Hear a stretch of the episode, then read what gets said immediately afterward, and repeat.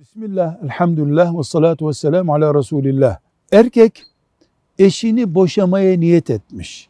Yani hanımımı boşayayım mı diye düşünmüş, kararlaştırmış. Ve sonra vazgeçmiş. Nikah bitti mi? Hayır.